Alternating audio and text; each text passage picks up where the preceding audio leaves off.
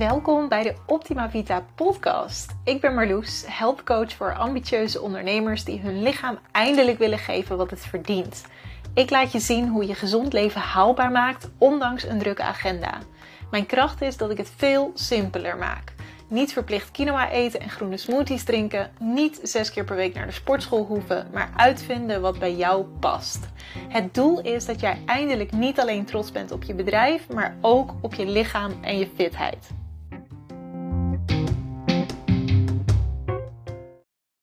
Leuk dat je weer luistert.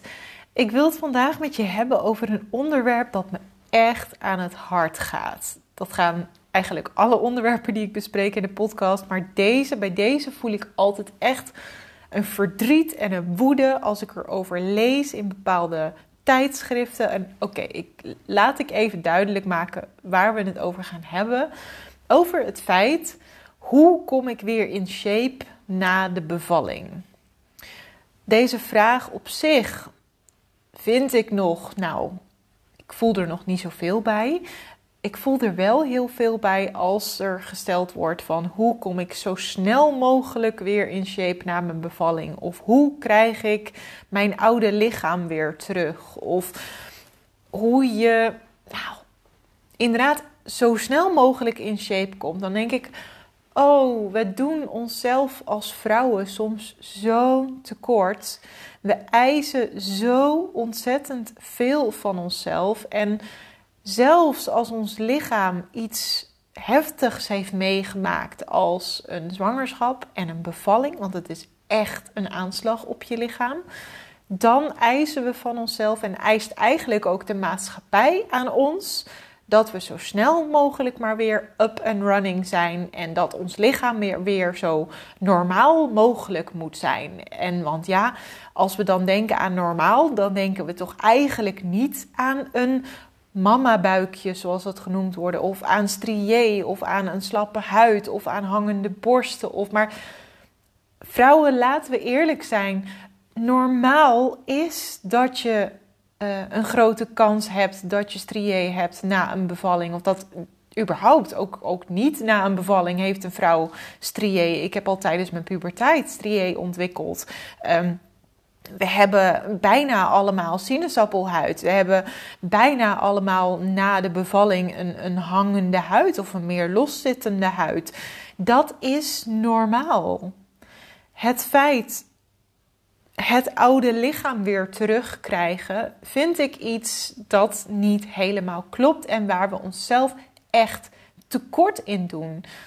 Ik denk dat het namelijk vrijwel onmogelijk is om je oude lichaam terug te krijgen, omdat jij niet meer de persoon bent die je was voor je zwangerschap. Jij bent veranderd als mens. Je uh, heupen zijn waarschijnlijk breder geworden doordat er een kindje door is gekomen.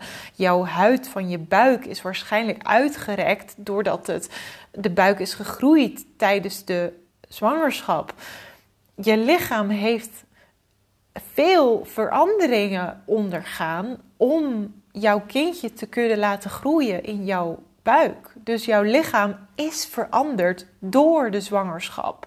En wat ik dus een veel interessantere vraag is: hoe krijg ik het lichaam wat op dit moment bij mij het beste past? Is dat niet gewoon een veel mooiere vraag? die we onszelf mogen stellen. Hoe kan ik mijn lichaam vinden zoals ik me er op dit moment het allerbeste bij voel? En als je vanuit dat oogpunt aan de slag gaat, wordt het een zoveel meer liefdevolle um, journey, zoveel meer liefdevolle reis. De maatschappij en andere mensen helpen ons daar niet echt bij. Eh, vaak. Het is namelijk heel normaal uh, of heel gewoon. Ja, ik wil bijna niet normaal zeggen, omdat ik het gewoon niet normaal vind. Maar het gebeurt zo vaak, laten we het zo zeggen. Het gebeurt zo vaak dat je complimentjes krijgt als je snel je broek weer aan kunt. Na een zwangerschap. Dat je complimentjes krijgt van: Oh, wat zie jij er alweer goed uit? En dan bedoelen veel mensen niet letterlijk: Wat zie jij er goed uit? Nee, wat ze eigenlijk bedoelen is: Wat ben je alweer slank? Wat ben je alweer veel afgevallen? Dat wordt gezien als iets positiefs. Ik heb dat zelf ervaren na mijn uh, zwangerschap. Ik was heel veel aangekomen. 20 kilo.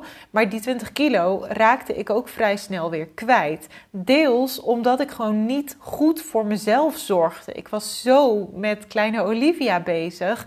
En was zo bezig met het borstvoeding geven en zo goed mogelijk doen. Dat ik daar A, best wel veel stress om had en daardoor misschien wat afviel. Ik weet niet of het zo was, maar in ieder geval, ik had best wel veel stress.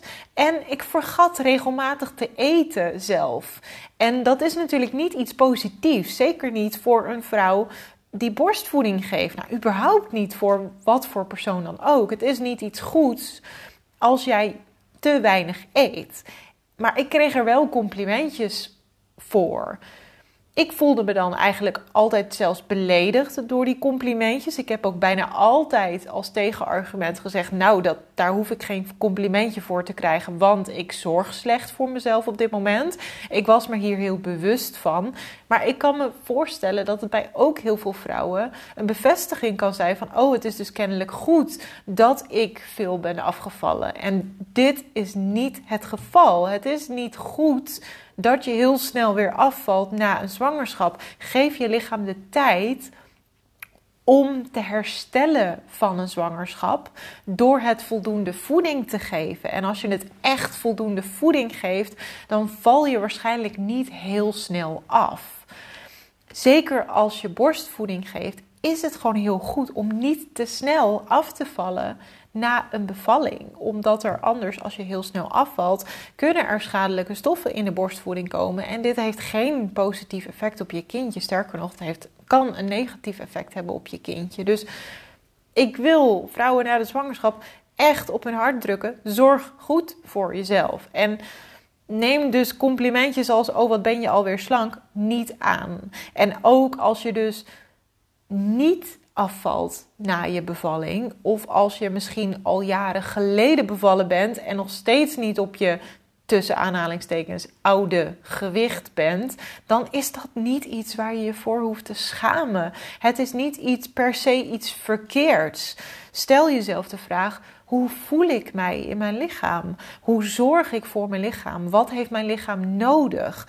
Heb ik het idee dat ik goed voor mijn lichaam zorg? En als het antwoord ja is, dan is dit kennelijk het lichaam wat op dit moment bij jou past.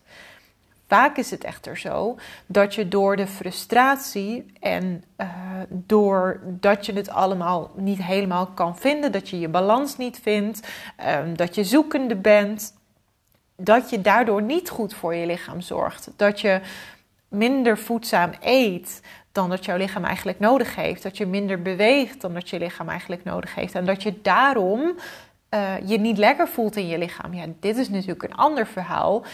Maar je voelt je dus niet, niet lekker in je lichaam omdat je zo zwaar bent. Je voelt je niet lekker in je lichaam omdat je niet goed voor je lichaam zorgt.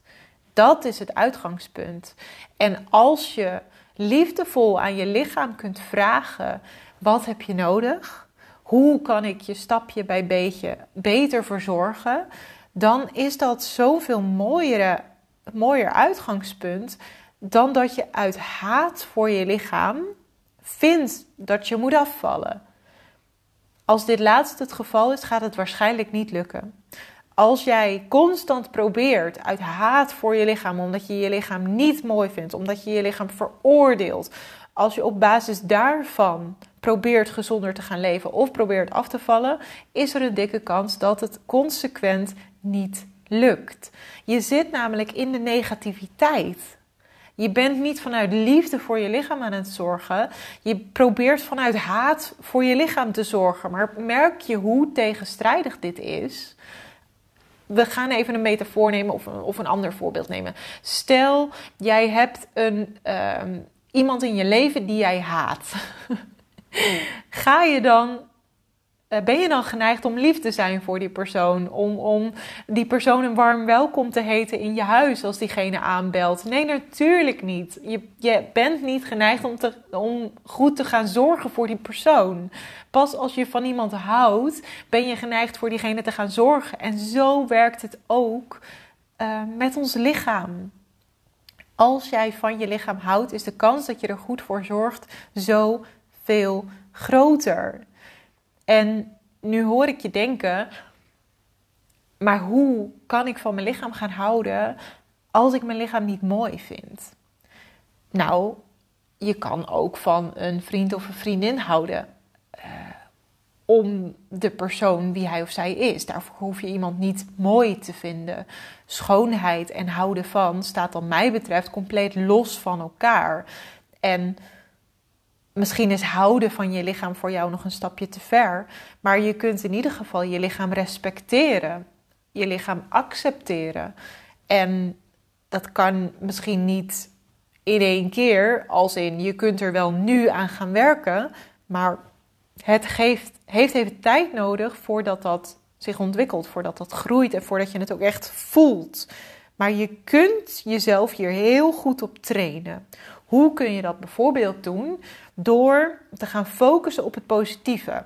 Jij focust nu waarschijnlijk op het negatieve, op het meer vet wat je hebt op je lichaam, op je loszittende vel, op je strié, op je mama-buikje, op, op de andere borsten, de hangende borsten, op het feit dat je lichaam zwak is geworden, dat je gewrichten zeer doen, dat je minder spieren hebt. Uh, je, je hebt misschien ook een uh, negatief lichaamsbeeld gekregen door nare ervaringen die je hebt gehad rondom de zwangerschap of rondom je bevalling. En dat neem je je lichaam misschien allemaal kwalijk. Dat mag. In de zin van je mag wennen aan, moeten wennen aan de nieuwe situatie. Ook als de situatie helemaal niet meer zo nieuw is. Misschien ben jij al jaren geleden bevallen, maar heb je nog steeds dat wrok tegen jouw lichaam. Probeer daar niet per se tegen te vechten, maar ga accepteren dat het er is. En ga de andere kant proberen te zien. Er is namelijk ook altijd een andere kant. Het positieve dat er in ieder geval is, is dat jij jouw lichaam, jouw kindje heeft gedragen ongeacht de uitkomst van je zwangerschap, van je bevalling, van hoe het is geweest, jouw lichaam heeft voor jou je kindje gedragen. Jouw lichaam heeft zijn of haar uiterste, of zijn of haar, jouw lichaam heeft haar uiterste best gedaan om jouw kindje gezond groot te brengen en ter wereld te brengen. Daar mag je je lichaam dankbaar voor zijn. En dit is waar je mee je kunt gaan beginnen. Dat je kunt gaan zeggen: Dank je wel, lichaam, dat, dat je mijn kindje hebt gedragen. Dank je wel, lichaam, dat je me helpt in het herstel. Het gaat soms met ups en downs. We zijn niet altijd de beste vrienden, maar je doet je best om te herstellen. Want dat is wat ieder lichaam doet. Ieder lichaam heeft van nature de wens om gezond te zijn. Jouw lichaam wil niet ongezond zijn. Jouw lichaam wil zich niet zwak voelen. Jouw lichaam doet zijn of haar best om weer gezonder te worden. Soms lukt het niet helemaal. Soms heeft het niet de juiste tools. Soms heeft het, heeft het niet de juiste voedingsstoffen. Maar jouw lichaam doet zijn best en daar mag je het voor bedanken. En jouw lichaam heeft zwaar werk gedaan. Jouw lichaam heeft een kindje geprobeerd groot te brengen. Of jouw lichaam heeft een kindje grootgebracht. Jouw lichaam heeft een bevalling doorstaan. Daar mag je ook je lichaam dankjewel voor zeggen. En dat is het begin van jullie relatie. Dit klinkt misschien heel zweverig, maar het is zo praktisch. Een goede relatie krijgen met jouw lichaam is echt essentieel om er goed voor te gaan zorgen en om dus jouw gezonde leven structureel te kunnen volhouden. En het gaat er dus niet om hoe snel kom ik weer in vorm of hoe strak kan ik weer worden. Nee, het gaat erom dat jij uit gaat vinden waar jij je goed bij voelt op dit moment. Wat jouw lichaam op dit moment nodig heeft en wat de vorm van jouw lichaam is, waar jij op, op dit, deze fase in je leven je goed bij gaat voelen. En geloof me, dat gaat niet dezelfde vorm zijn als toen je 18 was. Ik merk ook, mijn, mijn heupen zijn breder geworden. Uh, ik heb een slappere huid. Um, en ik probeer dit nu niet goed te praten, want ik realiseer me ook dat er nu vrouwen zijn die denken: ja, Marloes, kom op. Hey, waar heb je het over? Bij mij is het nog tien keer erger. Ja, dat snap ik en dat is misschien zo. Maar er zijn ook vrouwen die dat over jou denken. Van wat zeur je, bij mij is het nog tien keer erger. En het is geen wedstrijdje. Het gaat er niet om wie de ergste strié heeft. Of wie uh, de ergste het, grote buik heeft. Of wie het ergste loshangend vel hebben. Nee, we hebben allemaal een lichaam waar we blij mee mogen zijn. Of in ieder geval dat we mogen respecteren. En juist als je het kunt gaan respecteren, juist als je er oké mee kunt zijn, dan ga je er dus goed voor zorgen en is er de grootste kans dat het waarschijnlijk gaat veranderen tot een lichaam dat veel beter voelt voor jou, waar je je energieker in kunt voelen, waar je je meer jezelf in voelt. Maar de start is dat je het liefde geeft, of dat je het in ieder geval dankbaar heeft, geeft en respecteert. Dus vraag jezelf eens nu oprecht: wat heeft mijn lichaam nodig? Waar heeft mijn lichaam meer van nodig? En waar heeft mijn lichaam minder van nodig? Misschien heeft het minder stress nodig. Misschien heeft het nodig dat jij minder hard gaat sporten. Misschien heeft het nodig dat jij minder ultra bewerkt voedsel gaat eten. En daarmee bedoel ik snoep en koek en, en frisdrank en dat soort dingen. Misschien heeft het meer gezonde voeding nodig, meer voedzame voeding nodig. Misschien heeft het meer rust nodig, meer slaap nodig. Misschien heeft het meer sport of meer beweging nodig. Misschien heeft het fysiotherapie nodig of een massage. Misschien heeft het liefde nodig, kan ook hè. Of misschien heeft het plezier nodig. Misschien wil het dansen of, of ja, weer, weer die positiviteit voelen. Start vanuit deze houding. Start vanuit liefde voor je lichaam en ga puur kijken: oké, waar ben jij jouw lichaam dankbaar voor? Of waar kun jij jouw lichaam dankbaar voor zijn? En wat heeft jouw lichaam nodig op dit moment? Hoe kan je niet langer tegen jouw lichaam vechten, maar hoe kan je een band vormen met je lichaam? Hoe klein die ook is, het is een begin. En hoe kan jij samen gaan werken aan een meer energieker bestaan? Een um, samenwerking die elkaar versterkt. Want als jij dankbaar gaat zijn voor je lichaam, gaat je lichaam positiever voelen en helpt het jou in je weg. Zo, zo werkt het. Um, je bent dus eerder geneigd voor je lichaam te zorgen als jij van je lichaam gaat houden.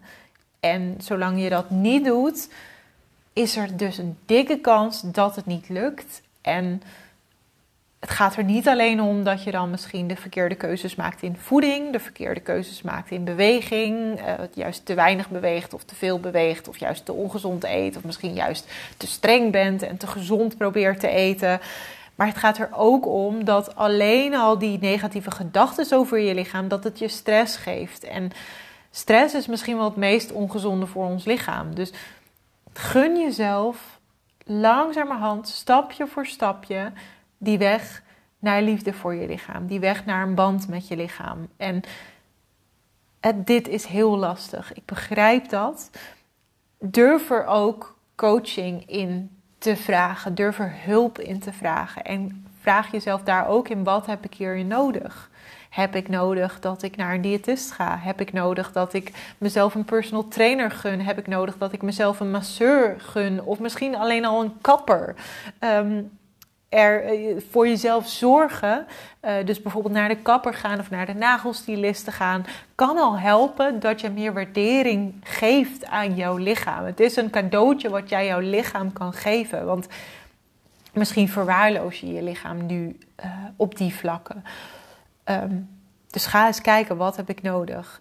Natuurlijk sta ik ook voor je klaar als coach. Als jij zoiets hebt van hé, hey, ik wil die holistische benadering. Ik wil vanuit liefde voor mijn lichaam aandacht geven aan gezond leven.